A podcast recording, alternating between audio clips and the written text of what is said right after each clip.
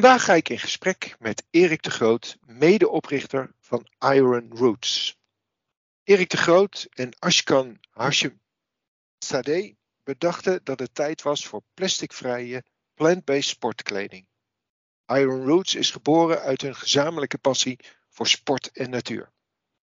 In tegenstelling tot de meeste grote sportmerken maakt Iron Roots dus alleen sportkleding van natuurlijke materialen zonder plastics.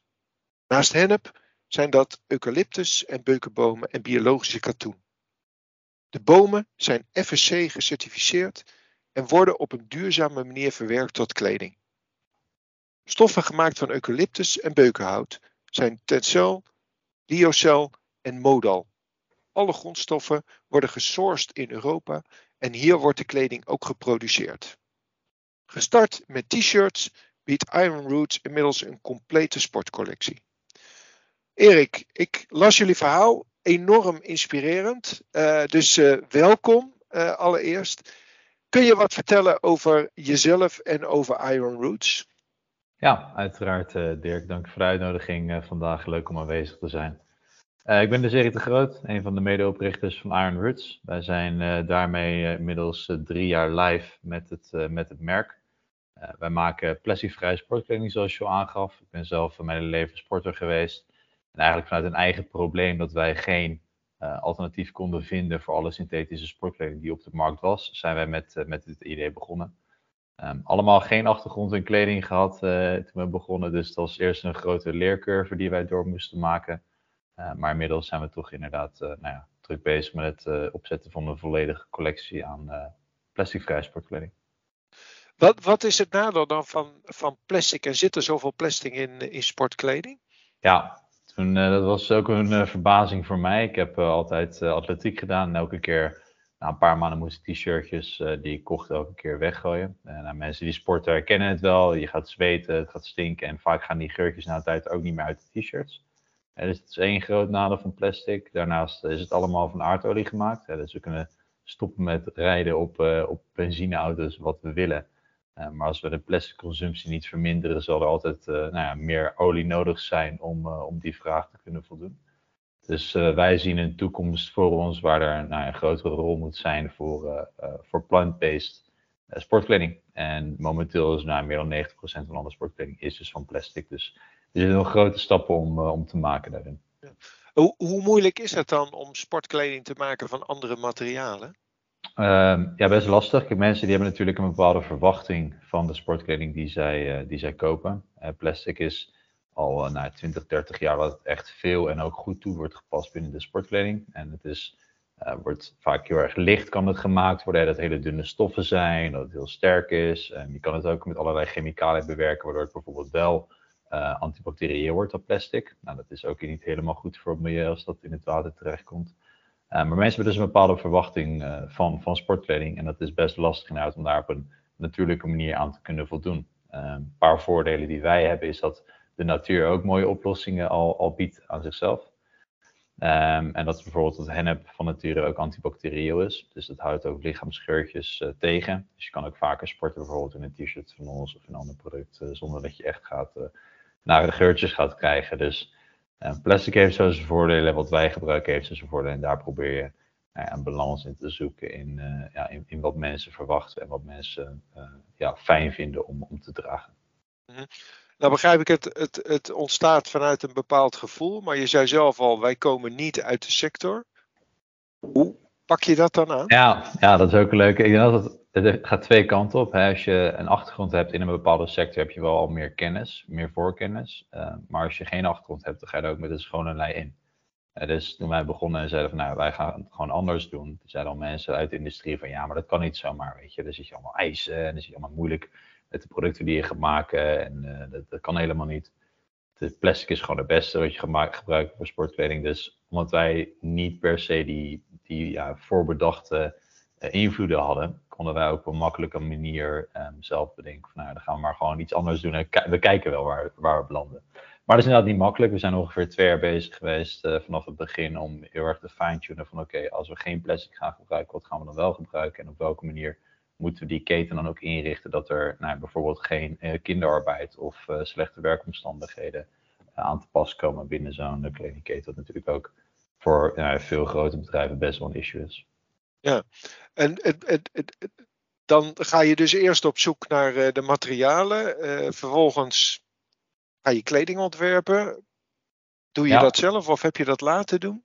Ja, nee, dat doen we eigenlijk allemaal in-house. Dus uh, nou, van de ontwerpen uh, tot de materiaalkennis. Gelukkig hebben we daar uh, nou, best wat, ik noem ze maar mentoren uit de industrie, die, het, nou, die aan zijn gesloten, die het leuk vinden wat wij doen, die we gewoon kunnen bellen als we vragen hebben.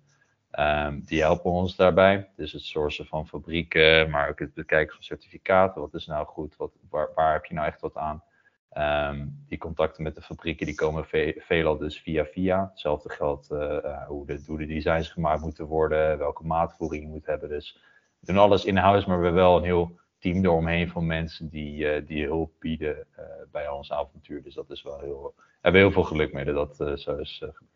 En, en, en, je zegt mensen om je heen waar je, je hulp, of die je hulp bieden, ja. Hoe, hoe, helpen die je bijvoorbeeld bij het vinden van die fabrikanten? Um, nou, het zijn bijvoorbeeld mensen die al langer in de industrie zitten. Hè, dus die bij grote kledingbedrijven al langer aan het werk zijn. Of die, uh, die zelfs uh, nou ja, die op eigen basis uh, adviseur zijn op supply chain niveau. en die mensen die kunnen dan gewoon aan ons die, de vragen aan, joh, we hebben deze specifieke vragen. Bijvoorbeeld hennep in Europa, hennepstoffen krijgen in Europa is best een uitdaging. Um, en als je zulke vragen uit bij mensen die er uh, wel een groter netwerk of verstand van hebben, dan uh, komt dat vaak wel weer terug. Dus um, ja, dat kan zijn vooral op, technisch niveau, uh, wat ik, waar ik het over had, die certificaten of waar halen de stoffen vandaan, onder welke werkomstandigheden, welke fabrieken, welke verwerkers. Dus um, vooral in die supply chain krijgen we daar heel wat hulp, hulp bij. En hoe kom je dan aan die mensen? Is dat dan, zitten ze al in je netwerk of ben je via ja. heb je ze gewoon gebeld? Uh...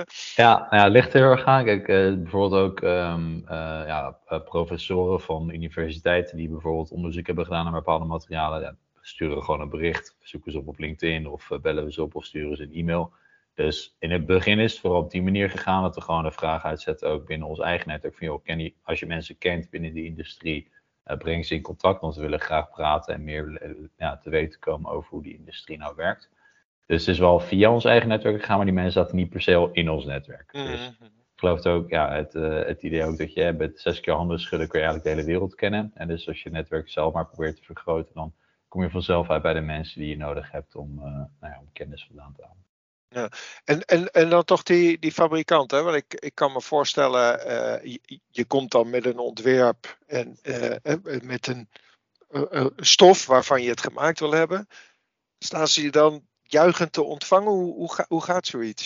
Ja, nou, over het algemeen niet. Um, en ik me voorstellen, zeker toen begonnen, ja, dan heb je natuurlijk hele lage oplages waar je mee, waar je mee werkt. En fabrieken over het algemeen houden je natuurlijk van grote oplages en, en makkelijke producten. Dus dat is uh, zeker niet van een leidakje gegaan. Daar is, daardoor is het extra belangrijk om wel partijen te zoeken die ook die visie snappen. dus dat er voor ons ook een uitdaging in lag om uit te leggen van joh, waar willen we nou precies naartoe? Waar zien wij de industrie over een paar jaar? En wat is nou precies onze rol daarin? Hoe gaan we ons bedrijf profileren? En dan sluiten er vanzelf ook partijen aan die dat ook zien. En dan ook bereid zijn om zelf een investering te doen. Om, om die groei uh, nou, ook, ook vanuit onze kant te zien. En daar ook zelf in mee te kunnen groeien vanuit hun kant. Dus daar, ja, dat is niet makkelijk. Maar uiteindelijk moet je dan gewoon zelf, denk ik, overtuigd zijn van wat je doet. En dan komt het dan. Ja, want, want waar laten jullie het produceren? Je, je of tenminste, ik zei vooraf uh, in Europa, maar waar precies in Europa? Ja, het meeste produceren momenteel in Griekenland. Dus dat is echt de laatste stap van de, uh, van de keten. Dus daar wordt de kleding in elkaar gezet. Uh, ze maken ook een aantal stoffen, maar sommige specifieke stoffen die halen we uit, uit andere landen. Um, en een deel van de productie gebeurt ook nog in, in Portugal. Dus het is grotendeels Griekenland, omdat ze ook nou, heel veel stoffen zelf kunnen maken en zelf kunnen customizen. Wat voor ons ook belangrijk is. En de rest uh, produceren wij in Portugal. En dan de stoffen en de grondstoffen, dat is allemaal verspreid over verschillende landen in Europa. Omdat niet één land gespecificeerd uh, of gespecialiseerd is in één, uh, in één stof of materiaal. Als je, als je nou kort kan samenvatten, wat, wat zijn nou de plussen en wat zijn de, de minnen van zeg maar de, de producten die jullie maken? Ja, Uh, minder zijn er uiteraard niet, nee. nee de, de, de, vooral de pluspunten is dus dat het, uh, nou wat ik al aangaf, de antibacteriële eigenschap is, is erg fijn. En dus je kan gewoon vaker sporten in een shirt zonder dat je hoeft te wassen. Of in ieder geval uh, ga je minder stinken en kan je gewoon na het wassen weer dat shirt aan na een langere tijd. Dat is denk ik een heel groot voordeel. Verder het comfort van het shirt. mensen die sporten weten ook wel dat als je veel frictie hebt met een plastic t-shirt, dan krijg je statische lading ook op je huid. Wat voor de een wat heftiger wordt ervaren dan door de ander. Ik heb, krijg er bijvoorbeeld best wel last van. Uh, niet iedereen, maar vele mensen wel. En dat heb je met onze t-shirts ook niet. Dus die worden ook niet statisch. Dus mensen ervaren het ook als uh, een comfortabeler product over het algemeen dan, dan plastic. Hm. Het nadeel zit er vooral in, in de applicaties. Uh, dus wij kunnen, als je kijkt naar onze kleding, het is best wel een ja, tijdloze, ehm, niet super ehm, trendy producten. En, maar dat komt ook deels omdat je die, die natuurlijke vezels niet uh, oneindig kan bewerken. Uh, dus denk bijvoorbeeld aan de, de stretchbaarheid van een materiaal. Uh, in de natuur heb je niet heel veel materialen die heel goed kunnen stretchen. Denk bijvoorbeeld aan leggings, dat kunnen wij bijvoorbeeld nu nog niet maken, omdat daar gewoon een, een materiaal, het heet elastaan of lycra, hoe je het uh, noemen, voor nodig is. En dat is, is gemaakt van olie. Dus de beperkingen zitten vooral in de toepasbaarheid en dat maakt het wel, wel lastig. Ja, Um, en dan vervolgens, dan heb je, heb je een mooi product ontwikkeld, komt ja. terug. Hoe verkoop, aan wie verkoop je dat en hoe verkoop je dat? Ja, wij uh, zeggen altijd dat we ons focussen op de bewuste sporters. Uh, dus niet per se één sport waar wij ons richten, maar een, uh, een paar sporten waar wij in zien dat, dat de mensen de meeste aanknopingspunten hebben met onze, onze eigen missie. Dus dat is hardlopen, fitness, crossfit, daar focussen wij ons met name op op dit moment. Uh, het meeste doen we online. Uh, we zijn natuurlijk ook in het begin van corona eigenlijk uh, gestart. We bestaan eigenlijk langer met het merk tijdens corona dan buiten corona. Dus dat is ook wel apart. Ja, je merkt ook gewoon toen, we wilden heel graag in meer winkels liggen. Maar ja, de winkels waren gewoon aan het overleven. De sportspeciaalzaken, die hadden het best wel lastig over het algemeen. En dan merkte je door dat dat gewoon nou ja, veel, veel tegenwerking gaf. Dus zijn we gewoon weer ingezet op online. Dus meeste verkopen wij via onze eigen webshop. We zijn ook uh, aangesloten bij ongeveer 20 uh, eh, platformen, een beetje kleinere versies en duurzamere versies van de Zalando, zo kan je, je dat zien binnen Europa. Um, en we hebben dan een paar verkooppunten in Nederland, maar dat, dat blijft nog een, een kleine handel tot nu toe. Wat jij zegt, de, de kleinere platform, is dat een bewuste keuze? Je zegt, wij kiezen een platform wat past bij onze propositie? Of zeg je van nou, Zalando is nog niet geïnteresseerd? Nou, ik, ik heb nog nooit een gesprek met ze gehoord, oh. dus dat uh, durf ik nu niet te zeggen. Maar voor ons is het wel een bewuste keuze om ook dus andere merken en andere partijen te staan die ook echt uh, geloven in wat wij doen en waar wij ook achter staan. Dus we kijken wel heel duidelijk ook naar als er een nieuw platform komt, of een nieuw platform ons benadert van wat zijn jullie eisen, hoe meten jullie waar bedrijven aan voldoen, staan die uh, partijen die er ook op staan een beetje in lijn met waar wij, waar wij voor staan. En dan maken we daar een keuze in. Dus we vinden het wel belangrijk om ook zelf als merk uh, gezien te worden tussen andere merken waar wij zelf ook achter staan en niet per se tussen de andere grote partijen. Omdat ja, het dan ook niet meer uiteindelijk misschien niet geloofwaardig over kan komen als je tussen die grote partijen op dit moment gaat staan. En wij vinden zelf ook dat um, die platformen daar ook best streng in mogen zijn en ons ook strenge vragen kunnen stellen over nou ja, waar wordt het nou geproduceerd, welke materialen en wat zijn onze duurzaamheidsambities? Dat is denk ik uh, alleen, maar, alleen maar versterkend ook als, uh, als functie van zo'n platform. Ja. En hoe, hoe doe je dan op dit moment de promotie? Eh, hoe hou je contact met je consument? Uh... Ja, um, nou, het contact onderhouden doen we veelal uh, via social media, e-mail. Um, dus vooral ook online, online ingericht. Um, we hebben offline doen nog niet superveel aan, aan marketing. We hebben hier en daar wel wat uh, sponsoring wat we doen van, uh, van atleten. Um, en wel eens een evenement waar, waar we sponsoring bijvoorbeeld van doen. Maar meestal gaat toch, gaat toch online. En dus Google advertising, Facebook, Instagram advertising. En op die manier proberen mensen, mensen toch, toch binnen te halen bij, bij bedrijven. En als ze dan eenmaal klant zijn, uh, ja, met name met e-mail op de hoogte houden van, uh, van nieuwe vorderingen en zo, zo binnen aan ons. Ja, want je, uh, ik zei in het begin al, jullie verkopen inmiddels meer dan alleen maar t-shirts. Wat, ja. Waar bestaat jullie assortiment uit op dit moment?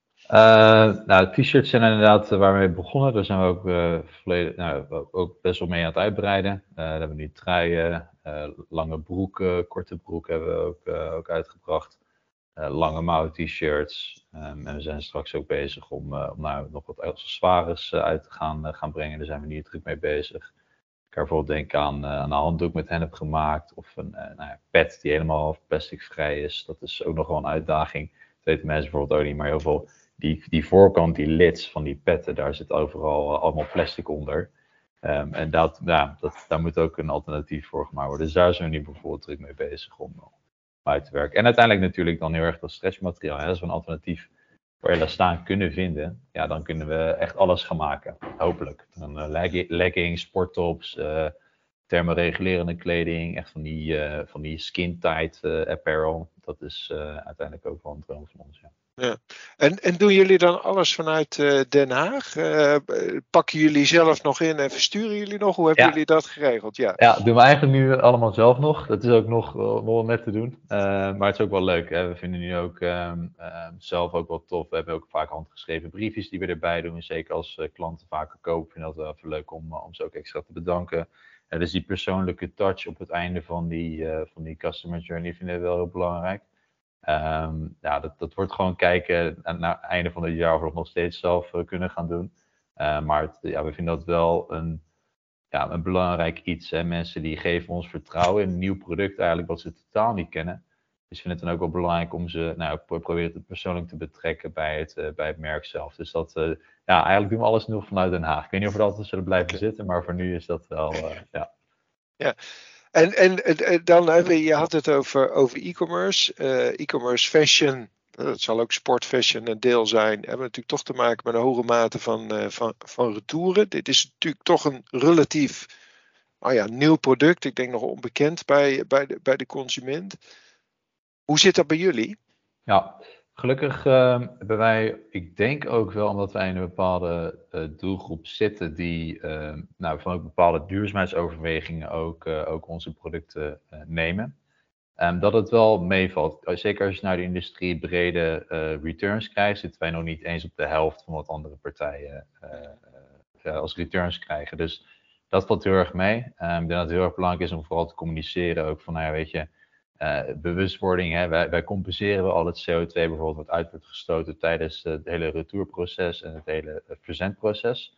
Uh, maar ik denk dat wij wel geluk hebben dat mensen wel bewust nadenken van oké, welke maat heb ik nodig en niet drie maten gaan verzenden. Dat komt bij ons gelukkig vrij weinig voor dat mensen meerdere maten tegelijk bestellen om vervolgens weer eentje terug te sturen. Dus Um, ik denk dat we gewoon vooral geluk, geluk hebben met onze doelgroep uh, daarin. Communiceren jullie dat bijvoorbeeld ook op de site? Uh, shirt valt groot of, ja. Of, ja. Ja, dus je hebt je maattabellen sowieso. En als we dan merken inderdaad dat, dat mensen vaker zeggen van nou, het valt wel een beetje groot, dan zetten we het ook gewoon in de beschrijving uiteraard erbij. Van, nou, ja, als je normaal gesproken van een strakkere fit houdt, neem een maat kleiner of een maat groter. En we zetten ook duidelijk neer van joh, twijfel je over je maat, neem vooral contact op. En dat werkt ook wel goed. Hè? Dat we gewoon een bericht krijgen van mensen met, het, uh, met hun lengte, gewicht en wat ze normaal dragen. En dan kunnen we ook gewoon advies geven op maat. Um, en dat is denk ik ook gewoon wat meer mensen zouden kunnen doen. Want ja, weet je, als je toch, als er toch contactgegevens staan van een merk, waarom zou je niet vragen welke maat het beste bij je zou, uh, zou passen? Ja. Dus dat, uh, dat werkt ook wel goed. Wat, wat, wat, is voor jullie nou uh, belangrijk in je propositie? Is dat die duurzaamheidspropositie of is dat meer het eh, eh, de, de voordelen bij het gebruiken. Het niet statisch zijn, het eh, minder stinken, et cetera, et cetera. Wat, wat, hoe, zien jullie dat?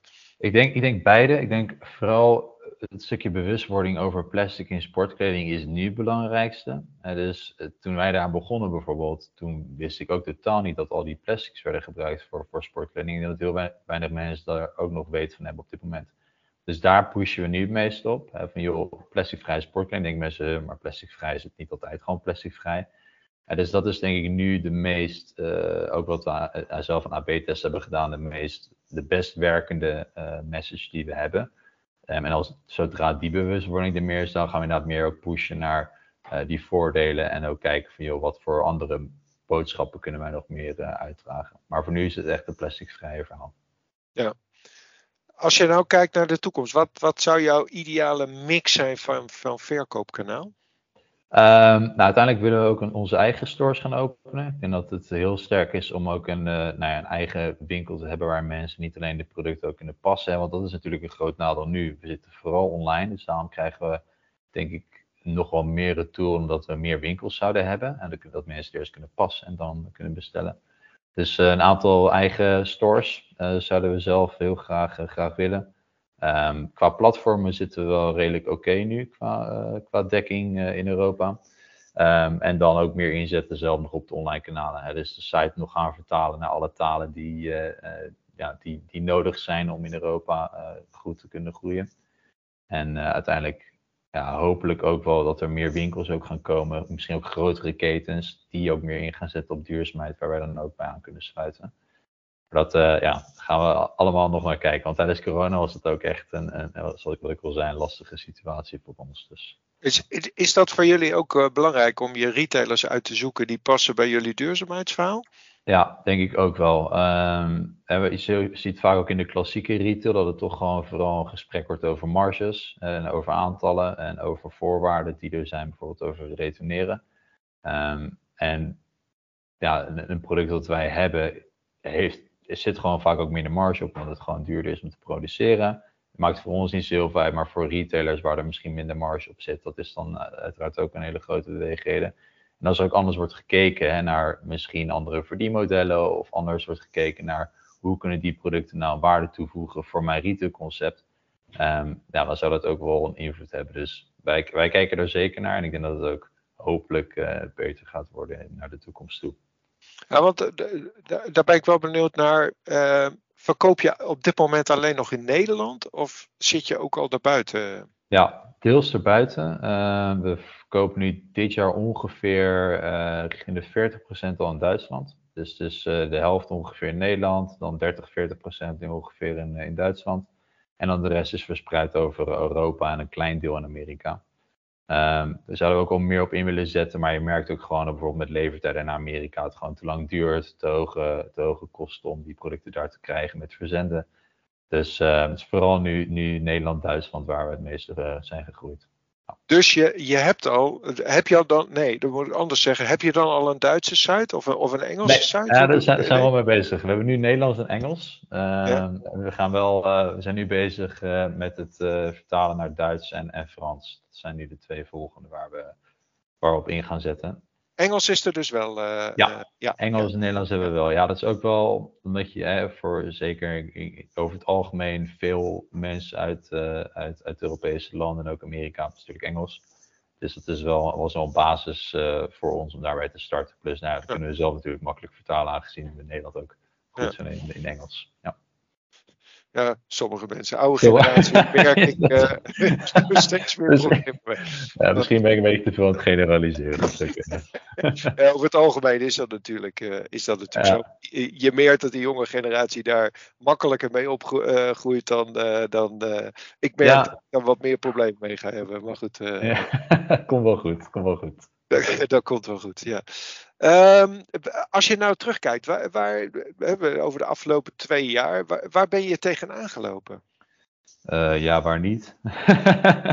nou ja, uh, ik, ik denk voor ons, uh, die, dat stukje innoveren met die producten, dat blijft altijd een uitdaging. En dus mm. als we eenmaal een product hebben, weten welk materiaal en welke samenstelling, welke, welke formaten we dat gaan gebruiken, dan is het schalen daarvan niet zo lastig. Maar het gaat vooral om die nieuwe producten maken, waar het best wel een uitdaging heeft. En het kan zijn dat je nieuwe uh, materialen gaat gebruiken, maar ook nieuwe toepassingen. Dus bijvoorbeeld die korte broeken die we nu hebben. Het is heel lastig te vinden, zulke broeken zonder plastic erin. Maar het is ook heel lastig om ze heel goed te maken. Dus ik kan je voorstellen dat we daar nou ja, heel de tijd mee bezig zijn geweest, bijna twee jaar of zo uiteindelijk om een sportbroek te maken waarvan dacht, oké, dit kunnen we in de markt zetten waar mensen ook tevreden mee zullen zijn. Maar dat, ja, dat neemt wel ja, wat, issues met zich mee. Uh, we hebben natuurlijk ook tijdens corona, hoewel wij niet in Azië produceren, ook wel de nodige supply chain issues gehad. Uh, dan kan je bijvoorbeeld denken dat de corona uitbrak bij de fabriek. Nou, dan moet die fabriek gewoon bijna een maand dicht.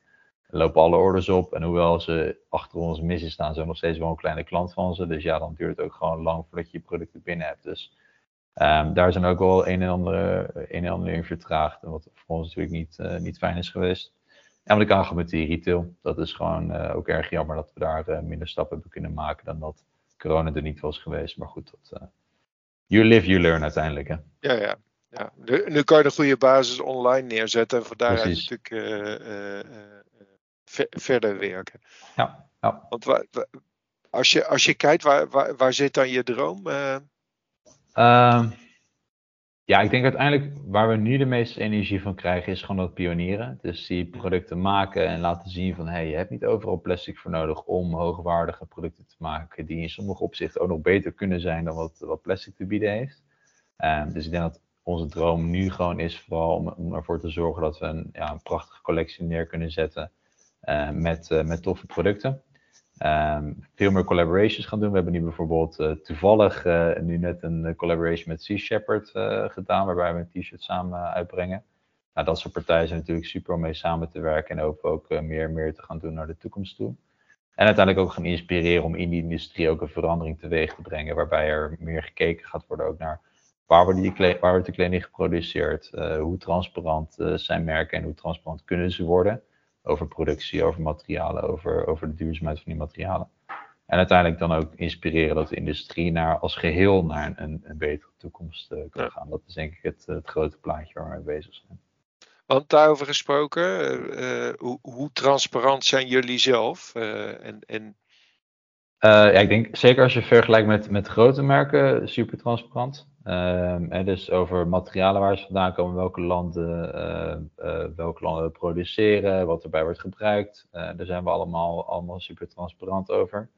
Ehm, uiteindelijk is het voor ons ook zaak om nog echt door te gaan meten wat is nou precies de impact ten opzichte van een ander t-shirt bijvoorbeeld dat ergens anders wordt geproduceerd. Maar er zitten heel veel aspecten aan. En kleding klinkt heel simpel, maar er zijn zoveel verschillende aspecten die gaan in zo'n kledingstuk. Dat het wel ook de, de nodige uitdagingen mee, meeneemt. Dus dat zijn wel uiteindelijk ook stappen voor ons waar we nog in willen verbeteren. Is ook om in die supply chain alles door te gaan meten. Maar goed, dan moet je best wel een, eh, ook een budget hebben daarvoor vrij om dat te doen. Dus we hebben nu zoiets van oké, als we maar gewoon certificaten op orde hebben die, eh, die bij de suppliers zijn, eh, lokaal produceren, daar transparant over zijn, dan zitten we voor nu gewoon in de juiste richting. Dit, dit is een beetje een lastige vraag, want een aantal dingen die, die, die je genoemd hebt, zouden daar ook onder kunnen vallen. Maar als Ja. je nou terugkijkt, waar, waar, waar ben je nou echt trots op? Eh, Eh, boh, ja, dat zijn heel veel, heel veel dingen geweest. Eh, bijvoorbeeld eh, eh, nou ja, dat, dat produceren van elke keer een nieuw product, dat geeft elke keer een kick. Hè. Dus als we iets nieuws maken wat er, wat er niet is, of waar we heel erg trots op zijn, ik denk dat dat vooral heel tof is. Ehm, ja, van mensen terug horen dat ze, dat ze blij zijn met de producten, dat, dat geeft toch altijd. Ja. Ik denk dat is elke keer weer zo'n klein, kleine milestone die je hebt als, als mensen teruggeven. Joh, ja, ik ben al een paar, de hele tijd op zoek naar zo'n product en ik heb het en ik ben super blij ermee. Uh, Of we hebben dan iemand die bijvoorbeeld een laatste bericht ziet dat hij al twee jaar in hetzelfde t-shirt aan het sporten is en nog steeds er blij mee is. Ja, van die kleine dingetjes, dat is denk ik waar we heel veel, eh, heel veel waarde aan hechten. Ehm, en uiteraard bijvoorbeeld eh, de eerste verkoop in Amerika, weet je, dat soort dingen. Dat, Ja, natuurlijk, Ja. ja. dat is super vet als je dat, eh, dat, dat meekrijgt. Dus het zijn allemaal kleine dingetjes waar we een beetje van proberen te genieten. Eh, En dat is niet altijd even makkelijk, want het, het gaat altijd door. Maar ja, dat geeft wel altijd energie, denk ik. En uit, dat is dan een vervelende, de vervelende kant ervan. Wat, wel. Welke blunder heb je gemaakt? Eh? Ja, ook, zo, ook zoveel. Ehm, we hadden bijvoorbeeld ehm, in het begin, eh, toen dachten we van, nou weet je, we gaan gewoon internationaal inzetten toen we gingen starten. Zeiden, joh, maken die website in het Engels, al die blogs in het Engels, we gaan ook marketing draaien door heel Europa heen en we gaan gewoon eh, meteen, wap, gaan we alles, alles, alles opendraaien. En toen merkten we heel gauw dat er gewoon te weinig focus was vanuit onze kant. Dus, de, en dan kwamen mensen op de website, maar dat was allemaal niet netjes ingeregeld hoe het nou ging met verzenden. Dus we wilden heel snel al te groot. En toen dan één keer terug naar de tekentafel gegaan. Dacht, oké, misschien moeten we gewoon eerst even focussen op Nederland. Daar gewoon eerst eh, wat, wat dingen proberen. En dan rustig naar buitenland toe gaan. Toen merkte hij dat dat veel beter liep. Dus we hebben ook meteen die website eh, vertaald ook naar het Nederlands eh, toe. Dus dat, dat was fijn. Goeie zet. En ik denk grootste blunder op productniveau, denk ik dat we in het begin wilden we alles van hennep gaan maken. En dus eh, als je kijkt naar de grondstoffen, is hennep misschien wel de beste eh, qua impact om te gebruiken, omdat het heel erg het is goed voor de, voor de ondergrond. Eh, je kan er heel veel van maken, weinig, weinig water, weinig land nodig. Maar de toepasbaarheid binnen de sportkleding is gewoon beperkt. Hennep is best een ruwe stof, dus je kan het niet als 100% stof gebruiken nu. Anders wordt het niet heel erg fijn om in te sporten. Ehm, en het houdt ook je lichaamstemperatuur vast. Wat natuurlijk bij een hoodie of een broek bijvoorbeeld eh, erg fijn is, maar niet bij de rest van sportkleding. Dus we hadden eerst t-shirts gingen we bijvoorbeeld maken van hennep. dachten, yes, weet je, dit is het. Het is de eerste t-shirts die we hadden ook. ja, dan schaam je niet, niet per se schamen, maar ergens ook weer wel. Dat je in het begin gewoon dat wilde gaan pushen naar mensen toe. En dan kreeg je gewoon terug van iemand die dan in het buitenland met 30 graden had gesport. Zei, hier, hier kan ik echt niet in rondlopen, want het, het plakte overal. Het is veel te warm, helemaal klef, ik word helemaal benauwd ervan. Dus uh, ja, dat forceren van hennep, dat hebben we toen losgelaten. We gebruiken nog een nieuw aantal producten, maar niet meer bijvoorbeeld bij die echte performance t-shirts. Uh, maar goed, dat is ook weer, je leert ervan uiteindelijk. En dat is ook alleen maar trial and error. En uh, het is ook leuk om dat soort dingen mee te maken. Want maak, die fout maak je niet vaker. Dat is ook ja. Van, dat begrijp ik. Hey, uh, in het begin zei ik al, jullie zijn met z'n tweeën gestart. Ja. wat is de rolverdeling tussen jou en Ashkan? Um, ik doe vooral meer het creatieve en sales gedeelte. Dus alle content die er is, de video's, die maak ik dan vaak behulp nog wel met, met wat mensen omheen. Maar daar ben ik wel eindverantwoordelijke voor. Hetzelfde geldt voor, voor de sales, ook de B2B kant, waar we ook nog een deel, deel mee doen. Um, Ashken is vooral verantwoordelijk voor uh, nou, technisch en supply chain en operationalisering. Dus uh, alle contact met de fabrieken, uh, voor de materialen, maar ook de website beheren. En uiteindelijk ook zorgen dat alles goed gaat met de verzendingen en, en dergelijke. Tot slot, Erik, als je een, even terugkijkt op die afgelopen twee jaar en je zou een tip mogen geven aan andere ondernemers, wat, wat zou dat dan zijn? Ja, um, het is een beetje cliché ook weer, maar ja, wees flexibel. Dus uh, we hadden heel erg vastgehouden van, joh, we gaan, uh, dat was toen in het begin van corona, van, joh, dit jaar moeten wij uh, zoveel winkels gaan bevoorraden. Dat is het einddoel en daar gaan we alles op, op alles zetten om te bereiken. En dat lukte gewoon niet. Dus ja, dan kun je twee dingen doen. Of nog harder gaan forceren, of, of gaan proberen om ook op andere manieren dan te groeien.